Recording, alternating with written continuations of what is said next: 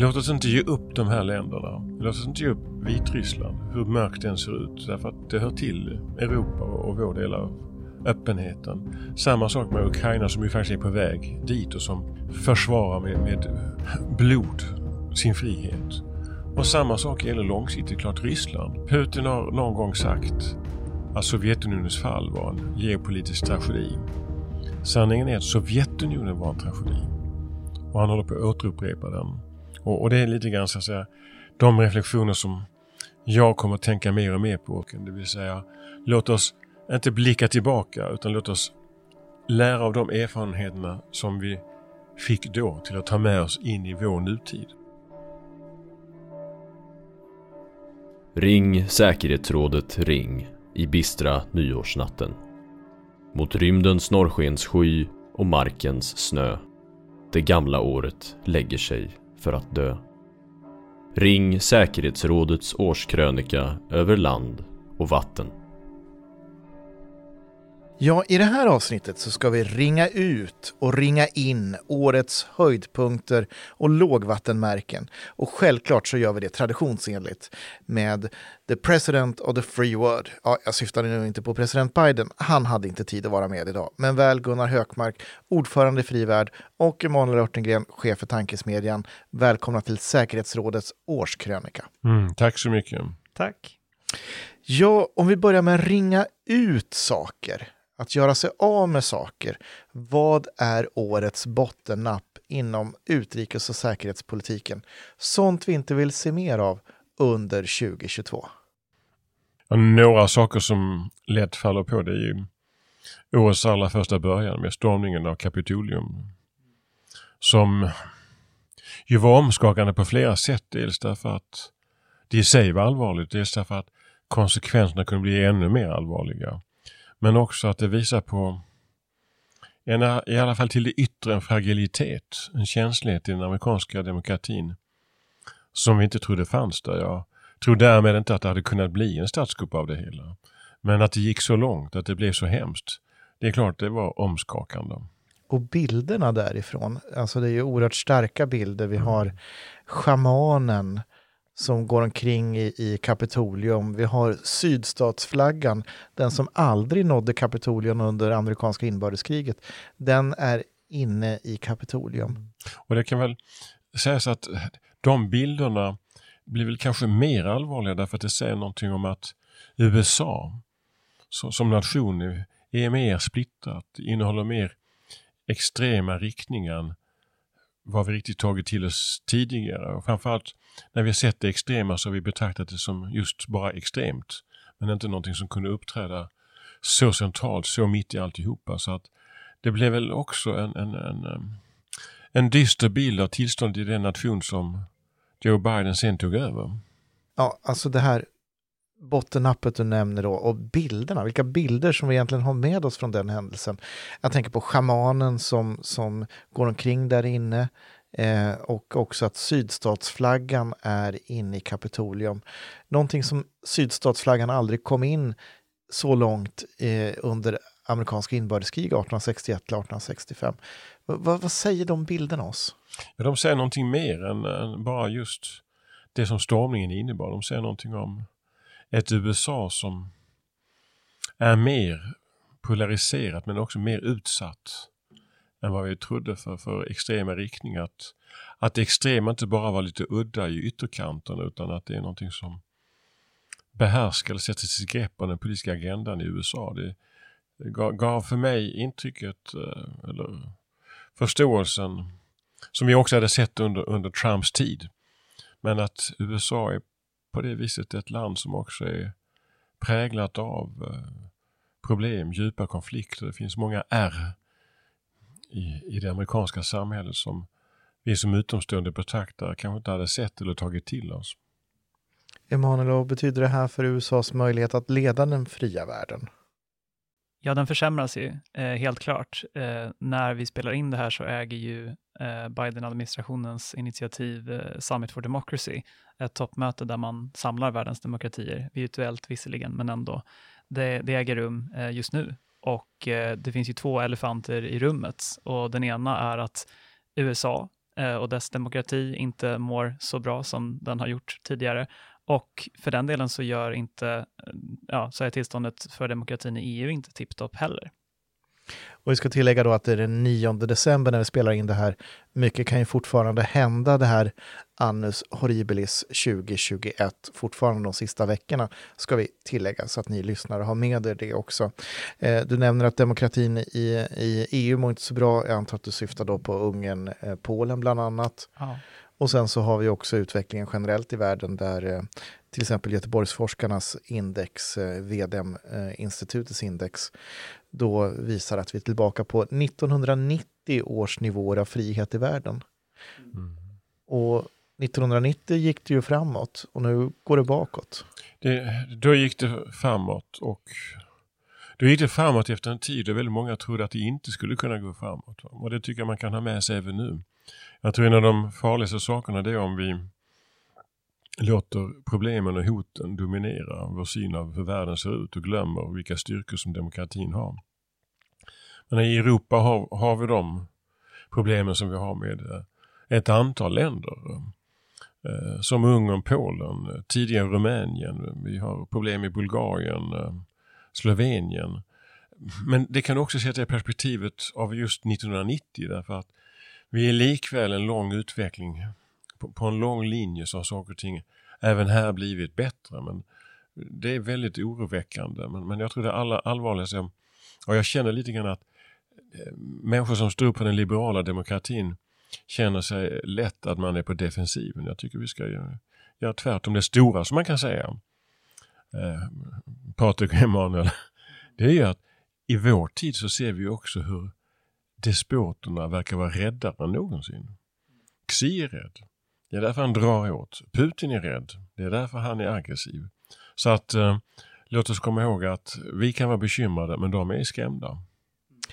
Inte ge tapp om hoppet utan dra det kalla stålet och, och, och våga gå framåt. Det är ett vackert och bra sätt att uttrycka det. Men, men, men jag tror också man kan, jag, jag vet inte, ni vet liksom, Anders Horribilly sa det tidigare och, och det har man ju sagt om ett antal olika år. Kanske det är så att vi ska komma ihåg att livet är tufft. Ver verkligheten är ständigt tuff. Det är en ständig kraft mellan olika konflikterande intressen. Och misstaget 1990-1991 var väl att vi trodde att vi då var på väg mot att det inte längre skulle finnas några problem. Men problemen finns där ständigt och då måste man vara förmögen att ta sig an dem och man måste kunna se dem. Och jag tror att ett av de stora bekymren under de här 30 åren det har varit att vi alldeles för många har trott att det inte fanns några problem att se, så man inte har sett dem. Och, och, och, så har man glömt att man måste alltid vara vaksam, så har man inte varit vaksam. Och man måste vara förberedd, så har man inte varit förberedd.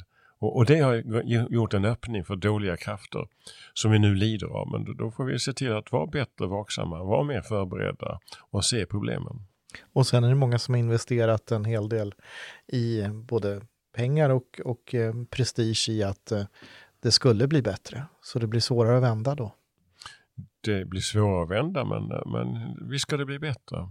Och, och återigen, så säga, låt oss, en sak som jag har sett under det här året i fulla verkningarna, att världen tagit fram ett vaccin mot en pandemi snabbare än någonsin.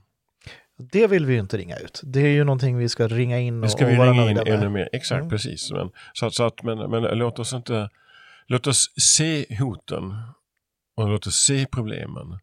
Men låt inte dem kidnappa oss. Emanuel, vad vill du mer ringa ut och slippa se 2022? Vad jag vill ringa ut? Om vi ska fortsätta på det här amerikanska temat, så en sak jag skulle vilja ringa ut är dålig koordination mellan eh, världens demokratier. Jag tycker man har sett två rätt tydliga exempel på det nu under eh, den andra delen av året. Och det första var ju tillbakadragandet från Afghanistan, där eh, Biden-administrationen verkar ha gått lite för fort fram och där man har fått laga efter läge och där vissa europeiska eh, länder som Frankrike har haft förmåga att till exempel skydda sina lokalanställda och sin ambassadpersonal medan andra har haft det betydligt, eh, eller hade det betydligt tuffare. Eh, och eh, ja, det blev ju ett fullständigt kaos där när man skulle lämna Kabul. Så det hoppas jag inte se mer av. Och en, ett annat exempel på den där dåliga koordinationen var ju AUKUS-samarbetet som inte i sig behöver vara dåligt. Däremot så verkar det som att eh, Australien och USA kanske inte riktigt har informerat Frankrike om vad som var på väg att ske när man skulle bryta det där avtalet om ubåtarna. Och nu tror jag att kanske de flesta av våra lyssnare vet vad AUKUS är, men mm. vi kan väl bara stanna upp och, och säga ja. vad, vad, är AUKUS ja, egentligen? AUKUS är ett samarbete mellan Australien, Storbritannien och USA som först och främst handlar om att eh, USA delar med sig av en teknik för atomdrivna ubåtar eh, som har längre räckvidd än eh, traditionella eh, ubåtar. Eh, och det, det, kommer dock också omfatta andra saker som till exempel att man samarbetar om standarder för artificiell intelligens och kvantdatorer och cybersäkerhet. Eh, och vad det handlar om är ju att eh, Australien som har varit under, utsatt under hårt tryck från Kina i Stilla havsregionen de senaste åren, de kände att de behöver uppbackning och de behöver kunna främja sin, sin säkerhet i den regionen. Och därför så litade man inte på att nej, men vi behöver vi behöver bättre ubåtar eh, med, med längre räckvidd och inte de här som Frankrike erbjöd dem och som eh, skulle ta lång tid att leverera och som inte verkade hålla den standard man förväntade sig. Mm. Och här har vi AU, Australien, UK, Storbritannien, US, United States, mm. AUKUS alltså. Och fransmännen de blev ju rosenrasande på ett franskt sätt och du är ju frankofil. Mm. Hur skulle du beskriva det? Ja, det var otroligt upprörda känslor och man hotade med att, eh, jag, tror, jag tror han fick resa hem men att han är kvar sen, att man tog hem sin ambassadör från, från Washington till exempel. Och eh, eh Macron var ju, var ju rasande på ett eh, G20-möte eh, där han menade liksom att han kan inte lita på Scott Morrison, Australiens premiärminister. Och det här blev ju inte bättre av att eh, Boris Johnson, Storbritanniens premiärminister, försökte göra sig lustig och säga på någon slags eh, fransk-engelska att så här, eh, Donnez-moi un break eller prenez un grip, alltså ge mig, give me a break då i princip. Och det, det kan man tycka var lustigt, men det var inte så att eh, det uppskattades heller i Frankrike. Vad ska vi göra för att lappa relationerna, Gunnar? Eh, Frankrike, Storbritannien behöver uppenbarligen lite handpåläggning. De har ju också en del gnissel i, i Engelska kanalen också kring flyktingar. Och, och fiske. Var, och fiske mm. ska vi inte heller glömma bort. Jag tror en, en väldigt viktig sak är att det är just att se hoten och beskriva hoten därför att du inser att den fria världen är allierade i kraft av att man tillhör den fria världen. Vi är så att säga allierade vare sig vi vill eller ej och det bör vi vilja vara dessutom. Vi kan inte det, det är en typ av allians som, som, som vi inte kan träda ur så länge vi är fria länder. Det andra är väl att, att vi måste inse att det har hänt någonting i världen därför att fransmännens reaktioner eh, och det kan man förklara med många olika så att säga, fransk historia och fransk eh, vilja att spela en roll i världen. Men eh, man kan också se det som att plötsligt skälvde jorden till, det vill säga det som har pågått under en längre tid fick till slut en konsekvens, det vill säga Eh, den stora globala konfliktlinjen, centrum för världen, är inte längre Europa utan det är Stilla havet. Och, och det är någonting som eh, på sätt och vis kan prägla alla europeiska länder. Att på något sätt, vad var det som hände? Det var ju, det var ju här som epicentrum för allt fanns. Eh, och plötsligt så är det i Stilla havet. Eh, det har många olika konsekvenser. Eh, och det allra farligaste är att tro att det är, bra för att då är det inga problem hos oss. Utan det är snarare att uppmärksamheten på det som händer i vår del av världen riskerar att bli mindre från amerikansk sida och från, ja, från våra närmaste allierade. Medan det som händer där följer sin egen logik men det kommer också påverka oss och det som jag tror vi måste inse att USA behöver Europa och då måste Europa visa att vi kan hjälpa därför att det är en gemensam sak. Men Europa behöver USA för att kunna hantera Ryssland och det är det vi ser just nu. Eh, verkligen som, som vi sitter här och talar så ser vi hur hoten mot Taiwan får allt mer aggressivare tonarter och samtidigt som vi ser att den faktiska upprustningen kring Ukrainas gräns blir allt mer och mer verklig. Och, och, och, det tror jag liksom att se hela den här bilden så ser vi att vi fransmän, svenskar, australiensare, britter, amerikaner, vi har en lång period där vi måste se till det stora och, och, och, och låta bli det mindre som skiljer oss. Men det går ju inte så där jättebra. Just idag så kom ju beskedet att Frankrike inte tänker ha någon diplomatisk bojkott i samband med vinter-OS i Beijing. Alltså att man kommer att ha, skicka, eh, ja, kanske franska regeringsföreträdare så till, till, till Kina under vinter-OS. Eh, och därmed så ansluter sig inte Frankrike till den bojkott, den diplomatiska bojkott som USA, Storbritannien, Kanada och Australien tänker mm. genomföra. Mm. Nej, men det, och, och det tror jag vi kommer få leva med att, att fria länder i den fria världen agerar lite grann som de själva vill. Va? Och, men du understryker än mer den stora bilden. Och de stora åtgärderna måste vi samla oss kring. Sen så tycker jag det, det är viktigt att inte närvara diplomatiskt i, i Beijing. Men, men det är inte det som är den stora frågan egentligen. Men, men, men det är kanske också så att Frankrikes ovilja att se det globala perspektivet, jag menar det gör de ju självfallet, men att dra de konkreta slutsatserna av det. Det är kanske ett av problemen, det var ju ett av skälen till varför AUKUS blev till. Som det blev till, det vill säga att man vill inte riktigt erkänna att världen har självt och förändrat sig. Nu har vi ringt ut några saker. Ska vi ringa in och, och, och vilja behålla eller se mer av 2022? Vad, vad är det då? Emanuel? Mm, det är en bra fråga. Det skulle väl vara motsatsen då, det vill säga mer samarbete mellan, mellan eh, fria demokratiska länder. Eh, och eh, någonting jag skulle vilja se, eh, som vi har talat lite om på, på Frivärd under året, det är ju mer samarbete mellan de nordiska och baltiska länderna. Eh, vi är eh, ekonomiskt, tillsammans så är vi ju en, en väldigt ett kraftblock skulle man kunna säga. Och eh, vi har ju också i väldigt hög grad gemensamma värderingar. Vi har en, en stark, eh, alltså starka demokratier, en entreprenörsanda i den här delen av världen eh, och jag tror att tillsammans så är de fem nordiska länderna är ju till exempel bra mycket större eh, ekonomiskt än vad till exempel Ryssland är. Eh, och vi skulle kunna dra mer nytta av varandra. Eh, jag har under året med stort intresse följt det som händer till exempel i Litauen, där man har en, en väldigt eh, frimodig och frispråkig regering som tar ställning mot såväl Lukasjenko i Belarus som Putin i Ryssland och Xi i Kina. Och de skulle behöva mer av vårt stöd här i Sverige. Och Gunnar, vad vill du lägga till på ringa in-listan? Ja, det tycker jag att, att som Emanuel är inne på, att lite mer Litauen i, i oss alla. lite mer Litauen i EU. Därför att vad Litauen gör är väldigt viktigt och det är väldigt viktigt att de inte är ensamma. De, de ser till att uh, låta Vilnius vara en slags huvudstad för den belarusiska oppositionen. De har tagit emot uh, en stor del av uh, Navalny-gruppernas kampanj och, och, och, och front för att ge dem stöd. Och de har tagit en eh, rätt tuff konflikt med Kina som Kina nu försöker eskalera igen. Och, och då är det väldigt viktigt att vi inte bara klappar Litauen på huvudet och säger att ni är duktiga och sen så går vi vidare och låter dem vara själva utan vi måste vara lite Litauen allihopa. Men, men sen så tror jag en annan sak som eh, vi, vi, ska ta med, utveckla ännu mer, det är just hur vi formerar den, den fria världen, hur vi liksom definiera det begreppet till att inte bara vara den fria världen med ett litet f utan den fria världen med ett stort F. Se till att tänka igenom de fulla konsekvenserna av vår gemenskap och vad den gemenskapen kräver. Eh, och, det är lite grann en ny räkneövning därför att vi har alltid tänkt tidigare i faktiska allianser eller geografi.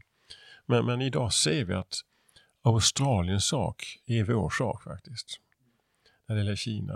Samma sak när det gäller Kanada eller samma sak när det gäller en lång rad andra länder. När det gäller Litauen så ehm, kommer det idag den 9 december på byråerna uppgifter om att Kina nu sätter ökad press på olika multinationella bolag som finns i Litauen och som finns i eh, Kina. Tidigare så har det handlat om, om eh, Thermo Fisher Eh, Eh, nu verkar det vara fler bolag och budskapet är till de bolagen, ska ni vara kvar i Litauen så stryper vi åtkomsten till den kinesiska marknaden. Hur borde EU hantera det rent konkret? Vi, eh, vi har ju faktiskt ett konkret förslag på det som finns i en rapport av eh, Fredrik Eriksson som kom häromveckan som handlar om EUs strävan efter strategisk autonomi. och han menar ju att man behöver se över handelsrelationerna med Kina och se till så att de blir mer symmetriska och jämbördiga i bemärkelsen att det kinesiska, Kina ger inte marknadstillträde till europeiska företag i en rad sektorer. Och vi bör inte heller eh, ge dem marknadstillträde i de fall där, där ägandet eh, av de här företagen, de kinesiska företagen, inte är transparenta. Vi håller ju på att införa till exempel en, en investeringsgranskning i Sverige, eh, där som, vi får se vad den leder till, men det, det är ju märkligt och eh, eh, riskabelt att det sker stora kinesiska investeringar i till exempel vindkraft i Sverige. Det, det är liksom en strategiskt viktig sektor och där Ja, det, det, det är svårt att, att, att, se att det skulle vara, de investeringarna skulle vara motiverade helt av affärsintressen. Så poängen är att vi, vi borde då genom, genom EU införa den här typen av, av instrument för att kunna eh, liksom balansera fördelarna av ekonomisk öppenhet med eh, de ja, säkerhetsrisker som, som eh, handel och investeringar som, som Kina gör också medför, så att det finns en, en balans där. Gunnar, vad kan vi göra för att stötta Litauen i det här läget? Ömsesidighet, det vill säga att um, uh, Litauen är en del av den gemensamma inre marknaden. Det är en del av vår ekonomi. Och varje attack på den litauiska ekonomin är definitionsmässigt en attack på vår ekonomi. Och det är det kineserna menar därför att de riktar sig mot svenska företag som är Litauen eller franska företag som är Litauen. Och om vi då ger oss så lyckas kineserna. Men om vi inte gör det, om vi håller samman så misslyckas kineserna. Det är mycket enkelt och jag tror att det kanske inte kommer att gå omedelbart men det är väldigt viktigt att vi klargör att vill Kina stänga portarna för europeiska företag? Ja, för det första så drabbar det ju Kina, den kinesiska ekonomin som redan har problem. Så man kanske ska ta det lite lugnt med att bli skrämd av det hotet. Men för det andra, om det verkligen omsätts, om det blir verklighet, då måste ju motsvarande gälla gentemot kinesiska företag, det vill säga reciprocitet. Vi vill ha öppenhet och kräver öppenhet i Kina. Men om Kina skapar stängdhet, ja då måste kinesiska företag för att möta den konsekvensen. Mm, jag tänkte också lägga till i det här sammanhanget att ett annat land förutom Litauen som har drabbats av sådana blockader av Kina, det är Australien som Gunnar var inne på tidigare. Och det man har sett eh, har hänt som en konsekvens av de här kinesiska bojkotterna av Australien, det är att australiensiska tillverkare av alltifrån eh, kol till vin, de har hittat eh, nya marknader. De har hittat nya länder och nya eh, företag att handla med. Eh, så att det som skulle kunna bli en följd av det här, det är att vi, vi har helt enkelt frihandel med, med fria samhällen, som Gunnar brukar säga. Och det leder ju, det, det leder till att vissa värdekedjor kommer så småningom att eh, liksom ritas om eh, och att eh, ja, vi kommer hitta nya marknader för det här. Och det har man ju sett även med med Ericsson. Ericsson har ju fått, eh, som en konsekvens av förbudet mot Huawei här i Sverige, så har Ericsson inte fått en ökad andel av den kinesiska marknaden när den kinesiska staten har tilldelat kontrakt där på telekommarknaden. Samtidigt har Ericsson, som en följd av att fler länder runt om i världen har förbjudit Huawei i sin 5G-utbyggnad, fått en massa andra kontrakt i andra länder. Så att jag tror att det, det, det, är inte så att vi bara, vi alltså i västvärlden, bara kommer förlora ekonomiskt på det här, utan det, det blir en, en diversifiering kan man säga. Eh, istället för att man är ensidigt beroende av Kina så kommer man att hitta andra och kanske till och med fler marknader. Och I fallet Australien, om jag minns rätt, så gick eh, den australiska regeringen ut tidigare i år och pratade om att man hade klarat av att kompensera uppemot 80 procent av förlusterna på, på den kinesiska marknaden, vilket gjorde då att man betraktade det som i, i nationalekonomiskt för Australien så hade det mycket, mycket mindre betydelse än, än vad man hade fruktat från början. Mm. I grunden är handelskrig ett sätt att två stycken står och skjuter sig själva i foten. I det här fallet så är det ju så att Kina skadar ju den egna ekonomin väldigt mycket mer för hela den kinesiska framgången har ju byggt på öppenhet. Man har utnyttjat andras öppenhet, men man har också öppnat upp sig själv. En kinesisk ekonomi som nu börjar tillämpa stängdheten hamnar tillbaka där alla stängda ekonomier varit och vi ser ju redan hur den kinesiska ekonomins utveckling faller. Vi ser redan växande problem på fastighetssidan och på många andra områden. Eh, och, jag tror att det viktiga nu det är att vi istället för att så många har förhållit sig till Kina, att vi skapa en situation där Kina får förhålla sig till, till världen. Eh, jag vill inte, vi vill inte stänga ute Kina. Men Kina måste förhålla sig till de regler som gäller för fria länder, i fria samhällen i en öppen eh, världsekonomi. Det är Kina som ska eh, förändra sig. Inte vi som ska förändras till Kina. Nu har vi pratat väldigt mycket Kina. Är det Kina som är 2021 års största grej? Men jag skulle vilja säga att det är de stora despotierna. Därför att det som Kina och Ryssland gör, var och för sig, de förstär förstärker varandra. De, de, de, de behöver inte vara allierade, de behöver inte synkronisera vad det är de gör, men det de gör legitimerar för den andra. Det vill säga det som Kina gör mot Taiwan underlättar för Ryssland att göra mot Ukraina. Och det som Kina gör när man struntar i internationella avtal, internationell lag, det underlättar för Ryssland att göra det. Man, man legitimerar varandra och jag tror att det blir en tyvärr en dynamisk effekt i fel riktning om vi inte förhåller oss till dem, både som enskilda aktörer men också att det finns en gemensamt hot från dem.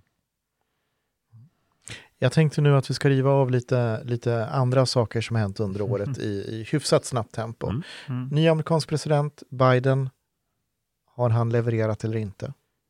Jag tror han, man kan säga, han har absolut levererat en sak. Han har skapat en återgång till någon slags normalitet. Mm. Är en bra eller dålig president? Ja, det får vi väl diskutera på samma sätt som man alltid i normala fall gör.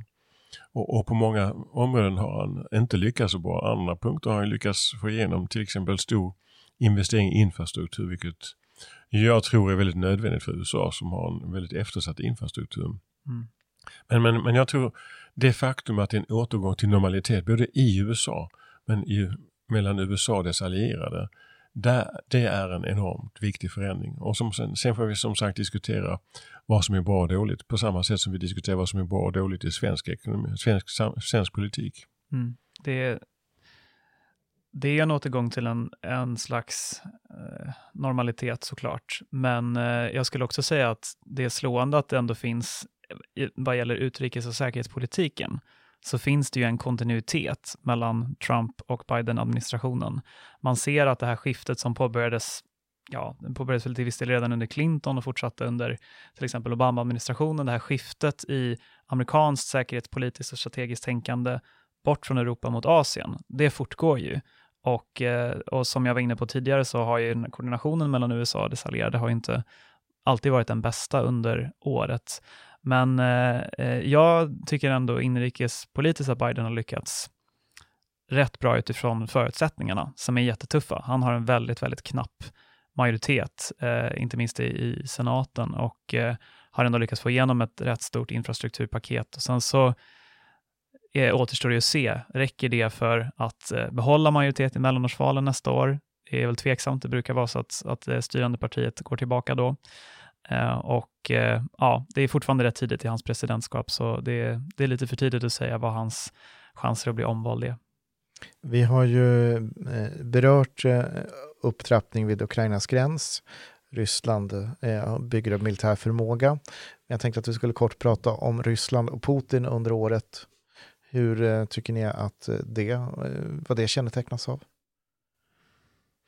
Jag tror att Putin lider av att Ryssland har under hans ledning blivit allt mindre och mindre en global stormakt och allt mer och mer en regional stormakt och han vill vara en global stormakt. Eh, de har blivit en regional stormakt på grund av den ekonomiska utvecklingen. När eh, USA, Europeiska unionen och Kina har fortsatt utveckla sina ekonomier. Om vi tittar på ett tioårsperspektiv så har den ryska ekonomin stagnerat och blivit mindre och mindre i relation till den globala ekonomin. Och, och, och, där, och det är en gammal tes att, att eh, regimer på, på fall, på stagnation, blir ofta farliga. Och det tror man ska ha klart för sig att Putin-regimen är en farlig regim. Den kan inte tillåta sig att, den fungerar inte rationellt. Därför att den fungerar efter egna principer om vad som är bra för Putin själv, vad som är bra för de närmaste härskarna kring honom. Det är en kleptokrati. Så, så jag tror att när vi tittar på det som sker kring Ukrainas gräns, jag har slagits av att det är väldigt många analytiker som försöker diskutera det i termer av sannolikhet och rationalitet. Det tror jag är fel nyckel. Därför att det finns inte så mycket rationalitet. Och, och sannolikhet har du först när du har risker som du kalkylerar med. Här är det mer det stokastiska, det vill säga ser Putin en möjlighet till att göra någonting där sanktionerna inte blir värre, då finns risken mycket stor att han gör det. Som han gjorde med Krim, som han gjorde med Georgien och som han gör med Ukraina redan idag.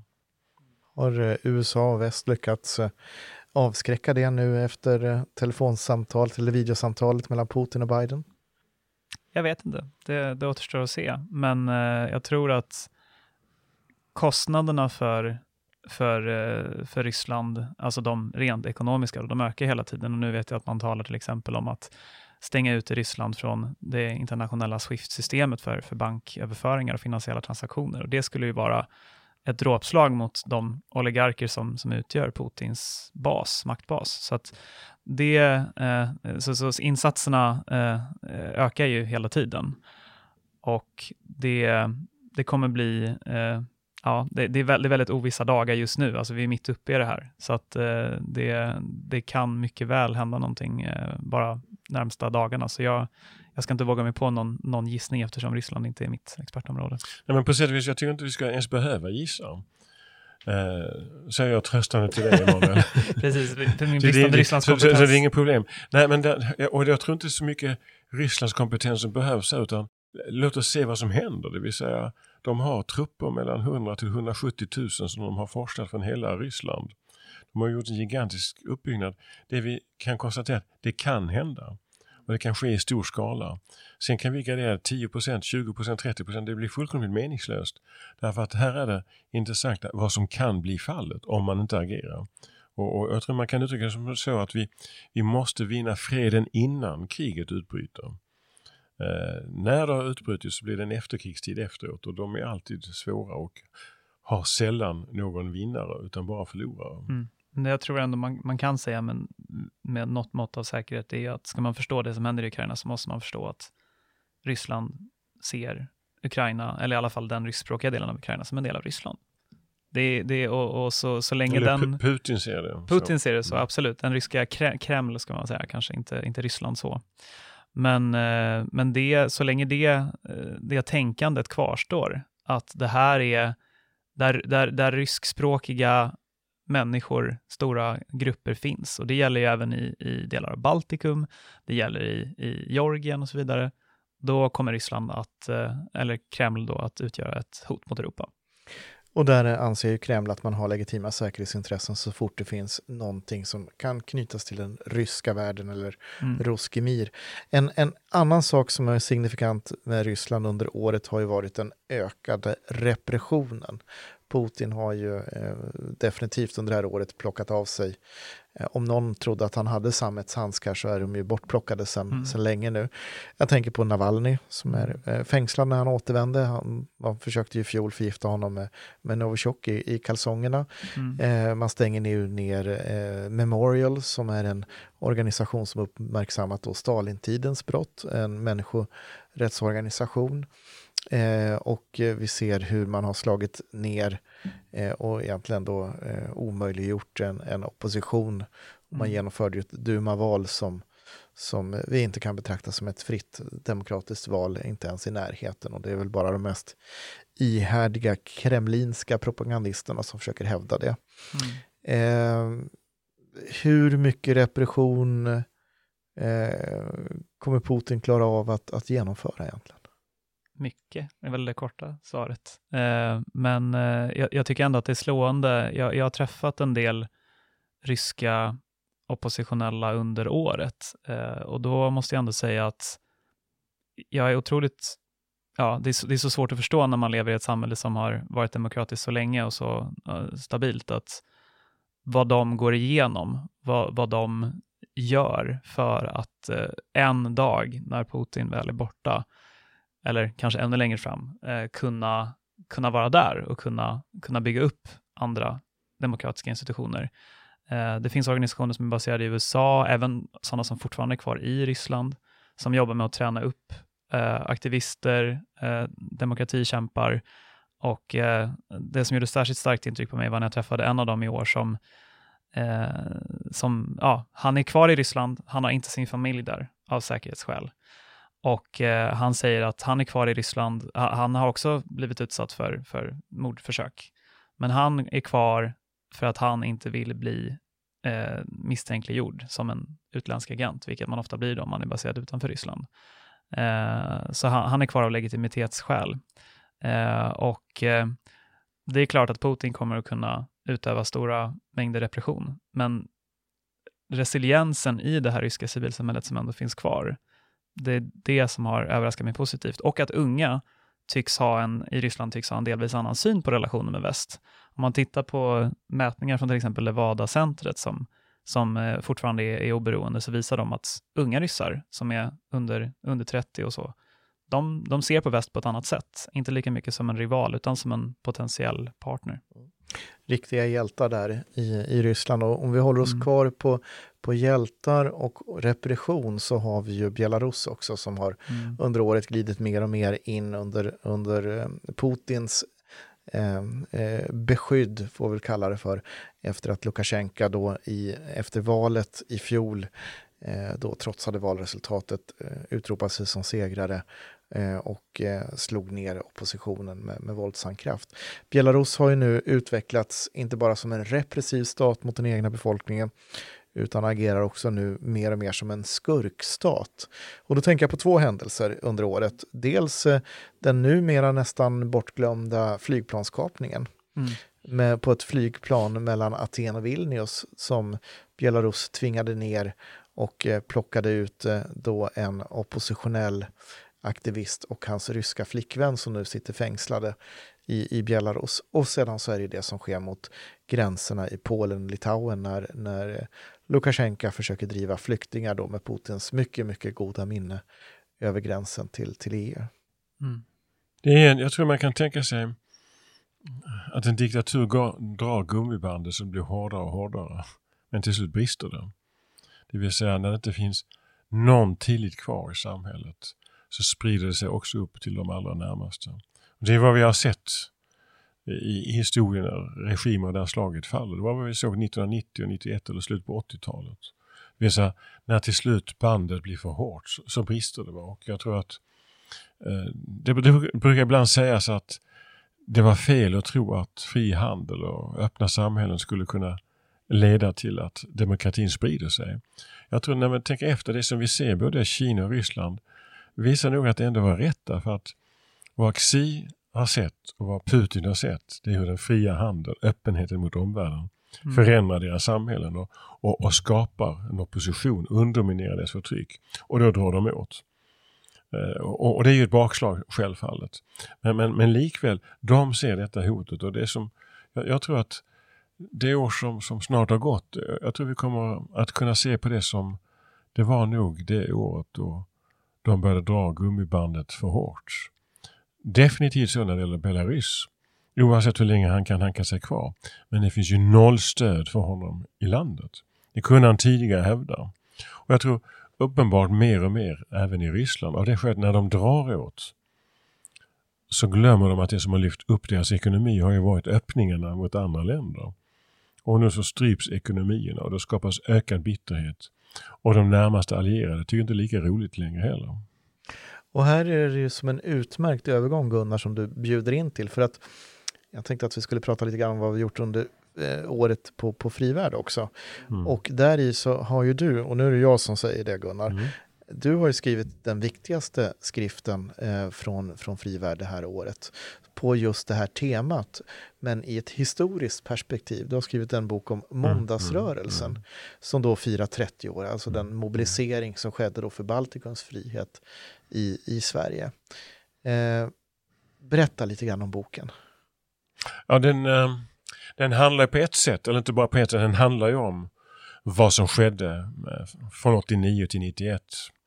Eller egentligen kanske ytterligare några år dessförinnan, men framförallt 89 till 91. Och, och när jag började skriva detta och titta tillbaka så slog det mig hur många olika händelser som samverkade, det ena gav det andra. Och, och jag liknade det vid att plötsligt började dropparna falla. Och ju fler droppar som faller ju mer urholkas stenen. Och det var små, små olika händelser som dessutom inspirerade andra till att göra andra saker och ting. Vi såg det i Tjeckoslovakien, vi såg det i Polen, Polen lite innan. Och vi såg det i eh, de baltiska länderna.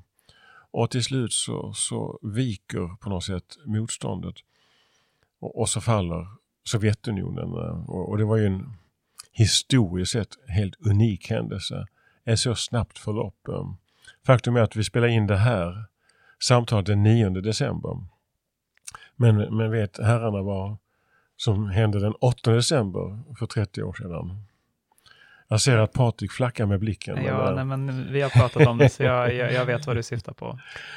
Då undertecknades Belavesia-överenskommelsen av, av eh, de tre ledarna för tre av de fyra sovjetiska rådsrepubliker som grundade Sovjetunionen eh, eh, 1922. Det vill säga, då undertecknades i i Belavesia-skogen, eller ett statligt gästhus, eh, en överenskommelse om att upplösa Sovjetunionen som signerades av Boris Jeltsin och hans kollegor i Ukraina och eh, som han sa Vitryssland då, Belarus.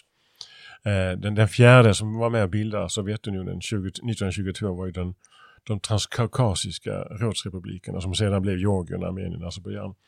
Och, och de hade redan frigjort sig då 1991. Men, men den, den dagen, alltså igår, för 30 år sedan, så skrev de under det. Och, och, och det där tycker jag att när vi idag tittar tillbaka till det så ska vi komma ihåg att det var ju meningen att det skulle bli så. Att Ryssland, Ukraina och Vitryssland skulle kunna utvecklas friare och friare. Och, och de första tio åren var någorlunda i den riktningen. Och sen så kom bakslagen väldigt mycket orkestrerat från, från Kreml och Moskva. Och, och det tycker jag vi ska komma ihåg att låt oss inte ge upp de här länderna. Låt oss inte ge upp Vitryssland, hur mörkt den ser ut. Därför att det hör till Europa och, vår del av öppenheten. Samma sak med Ukraina som ju faktiskt är på väg dit och som försvarar med, med blod sin frihet. Och samma sak gäller långsiktigt klart Ryssland. Eh, Putin har någon gång sagt att Sovjetunionens fall var en geopolitisk tragedi. Sanningen är att Sovjetunionen var en tragedi. Och han håller på att återupprepa den. Och, och det är lite grann så att säga de reflektioner som jag kommer att tänka mer och mer på, som jag skrev om i den här boken. Det vill säga, låt oss inte blicka tillbaka utan låt oss lära av de erfarenheterna som vi fick då till att ta med oss in i vår nutid. Så du som lyssnar unnar dig en nyårspresent. Gunnars bok och, och, beställa på frivärd.se. Eh, så gå in och gör det om du inte har den redan. Det kan ju också bli en julklapp redan. Ja, jag tänker att den här podden kanske inte hinner avlyssnas innan jul, även om vi spelar in den innan jul. Men det, Ja, är det klart, må hända. det är klart, om man vill vara ute i riktigt god tid till julen 2022 så kan man ju inhandla eller den eller försenad julklapp därför att vi vet väl alltid att det är alltid någon man kanske har glömt, någon avlägsen släkting. Ja, och så kanske Mm. vi inte kan träffas riktigt heller i jul under, på grund av pandemin och hur den utvecklar sig. Vi är ju inne i det andra pandemiåret. Men eh, andra pandemiåret, hur har verksamheten varit på Tankesmedjan Frivärd? Mycket restriktioner att förhålla sig till. Mm, Vad har ja. hänt under året? Ja, jag kom ju in eh, halvvägs i året när Katarina Tratt som är chef eh, gick på föräldraledighet, så jag kan ju bara uttala mig om den, den andra halvan. Men eh, eh, för vår del har det ju, skulle jag säga, att det har blivit mycket av det som vi har pratat om nu. Det har blivit mycket Kina, eh, till exempel med, med din rapport Patrik, som handlade om hur den kinesiska ambassaden har bytt taktik från att publicera officiella uttalanden på sin hemsida om kritiker till att faktiskt kontakta folk personligen och säga vilka dåliga människor de är. Och eh, sen har vi publicerat flera rapporter under hösten om, om Belarus och vad man kan göra för att till exempel hur man kan utforma sanktioner för att påverka Lukasjenko-regimen, vilken roll eh, den belarusiska diasporan kan spela i demokratibyggande eh, med mera. Och sen har vi också haft ett litet eh, EU-tema kan man säga här i december framförallt, då vi har publicerat två rapporter om, eh, ja, en om strategisk autonomi, det vill säga EUs försök att göra sig mer oberoende av omvärlden eh, och eh, den är skriven av Fredrik Eriksson. Och eh, en rapport som kom bara häromdagen eh, av Joakim Wernberg från Entreprenörskapsforum som handlar om eh, Digital Markets Act som är EUs försök att reglera stora teknikföretag. Och eh, ja, så det är väl de tre, tre eh, linjerna kan man säga. Och sen har vi ja, alltid liksom försökt lyfta de här eh, demokratifrågorna som till exempel genom, genom Gunnars bok då med Måndagar för, för frihet. Och det är ju det, ja, det är ju det, vi, vi är vad vi heter, vi jobbar för en fri värld. Vi är vad vi heter, det, det lät väldigt vackert. Och om vi blickar framåt, vad händer nästa år? Ja, det, det, det, kan alltid hända, hända saker vi inte har förutsett. Det känns som att det är det som har kännetecknat det här året också. Det är mycket man planerar, men sen händer saker som till exempel eh, den här situationen med eh, flyktingar som flögs in från till exempel Irak och Afghanistan till EUs gräns då, mellan Belarus och Litauen och Belarus och Polen. Och då sa vi så här, nej men vi kör ett, ett eh, seminarium om det här eh, nu, eller liksom så fort som möjligt. Så att eh, vi försöker alltid fånga saker som händer här och nu som är aktuella, för det brukar locka mycket folk till våra seminarier.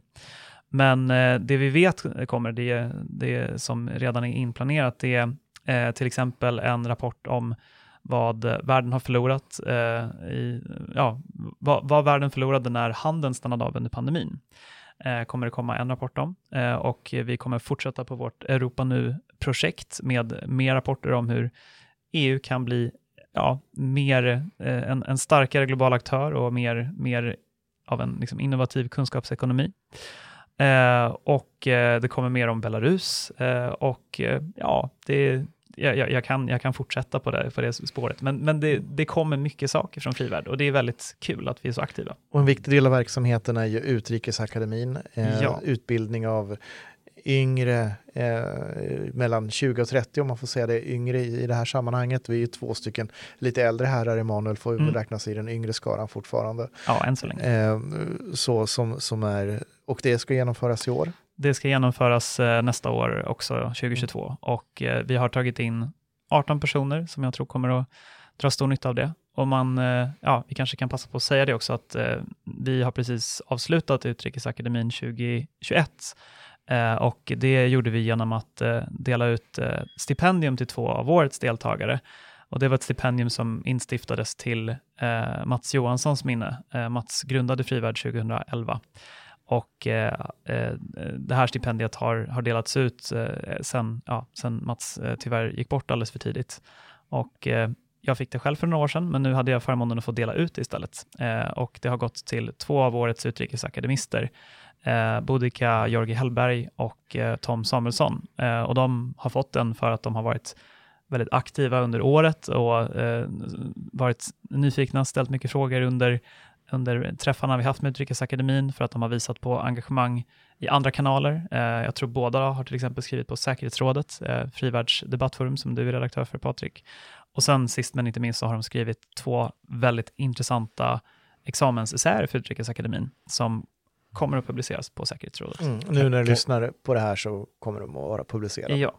Kan jag dessutom lägga till både vad vi har gjort men som också blir en naturlig följd av vad vi gör. Vi har ju under året lanserat eh, CIDA, Center for Influence and Disinformation Activities, som, som, som du Patrik håller i. Och som är, är vårt sätt att beskriva hur det pågår en hybridkrigföring när det gäller sanningen och orden i vårt samhälle som redan som är en verklighet nu. Det är inget hot utan det är en pågående krigföring som, som, som pågår mot oss och som jag tror är enormt värdefull för företag, institutioner och hela det svenska samhället att förstå därför att det drabbar företag. Och nära förknippat med det är ju alla andra hybridfrågor som uh, hybridkrigföringsfrågor som till exempel cybersäkerhet som vi också håller på att gjort en hel del. Och, och, och det har ju sina rötter i, i projektet Gråzonen där vi har gett ett annat innehåll åt ett annat, åt ett gammalt begrepp, det vill säga när vi talar om gråzonen så talar vi inte längre om ett övergångsskede från fred till krig som är det traditionella sättet att se på det utan att vi faktiskt lever i en tid då det finns en grå zon som tillåter för korruption, eh, eh, desinformation, destabilisering, eh, hotfullhet, mord eller mordförsök som vi också har sett. Men, men köpa företag, en lång rad olika aktiviteter som, som pågår hela tiden. Och sen är som, som, som Emanuel sa, Europa nu där vi jag ska inte säga att vi har tröttnat på alla de som talar Future Europe. Som, som liksom, är, hur ska EU se ut i framtiden? Vi, vi, talar om hur ska vi se till att Europa kan utvecklas nu? Och, och det är ett sätt att sätta fokus på politik och förändringar som, som har präglat rätt mycket av det gångna årets verksamhet och bland annat lett till de två rapporterna som eh, Emanuel berättade men också till andra grejer. Och det ska vi ha full kraft med i kommande år. Mm. Och eh, vi har ju ett valår nästa år också. Mm. Också att komma ihåg Det i finns den alltid ett aspekten. valår. Ja, alltid någonstans. Det är liksom, ja precis, alltid ett valår. men- Det är valår i Frankrike, det är det jag syftar på kanske? Ja, det är det också. Ett väldigt viktigt val. Och och det var ett val i Tyskland. Ja. Mm. Eh, och eh, sedan så har vi också det nordiska perspektivet, Mm. försvarssamarbete med Finland. Mm. Eh, Utrikesakademin kan vi väl avslöja kommer att få åka till Helsingfors Ja. Under året. Mm. Och eh, så kommer vi att, att försöka hitta sätt att, att eh, fördjupa också diskussionerna kring Norge. Jajamän. Mm. Så att eh, det kommer att hända en himla massa saker. Mm. Eh, jag tänkte skona er på era nyårslöften, men istället fråga vilken är er favoritchampagne och varför? Då ska jag svara mycket enkelt. För mig är den favoritchampagne, det är den jag får serverad i ett kallt glas nyårsafton. Ja, kall, torr och gratis Kall, som, torr som och Churchill gratis. Ja, sa. precis. Mm. Jag kommer vara lite mer specifik, eller det var i och för sig väldigt specifikt. Men eh, eh, jag, som du antydde, så är jag lite frankofil. ehm, och det är mycket för att jag har bott i Frankrike och då bodde jag i Champagne-provinsen. Eh, och då bodde jag, eh, det champagnehus som jag bodde närmast hette Tétanger. Eh, och det tycker jag är en väldigt, väldigt fin champagne. Och sen så, eh, om man ska vara sån, så tycker jag också att det är det enda champagnehuset utav de stora i Reims, som är den största staden i Champagne-provinsen, eh, som eh, inte eh, ägs utav någon stor, jag tror alla andra ägs av LVMH, alltså den här stora lyxkoncernen. Men Tétanger drivs fortfarande av samma familj. Så att, eh, ja, jag, jag får väl vara lite, lite centerpartistisk och säga att man ska stötta lokala familjeföretag. Det, det är lite grann den, den galliska byn eh, omgiven av romarna. Förlåt, ja precis. Den galliska byn är Asterix. Ja, exakt. Ja, det, men det, Tétanger är lite så om man ska jämföra de andra champagnehus. Ja. Och, och då säger jag André Chloé för att det var det jag friade till. Ja, ser man. Ja, men det är väl bra. Men som sagt, glöm inte kall, torr och gratis. Det, det är min favorit. Mm. Kall, torr och gratis tycker jag låter som ett alldeles, alldeles utmärkt slutord. Du har just lyssnat på en podd från Tankesmedjan Frivärd. Det här var säkerhetsrådets årskrönika. Ni har hört Gunnar Hökmark, president of the Free World, eller ordförande för Tankesmedjan Frivärd, och Emanuel Örtengren som är då tillförordnad chef för Tankesmedjan. Jag heter Patrik Oksanen. Rösten ni hörde i början tillhör Dino Ekdal. Dino har också gjort bearbetningen och han kommer tillbaka allra, allra sist i det här poddavsnittet. Podden finns där poddar finns. Prenumerera gärna så du inte missar ett avsnitt. Och kom ihåg, Sverige är värt att försvara 2021 såväl som 2022. Motståndet upphör aldrig. Det gör däremot 2021. Gott nytt år, kära lyssnare. Gott nytt år.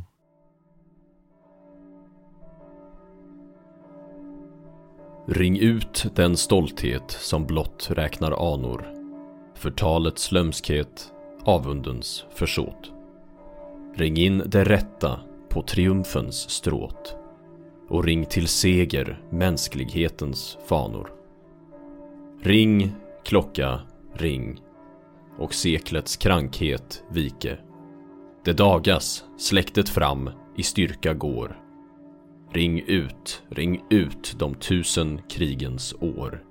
Ring in den tusenåra fredens rike.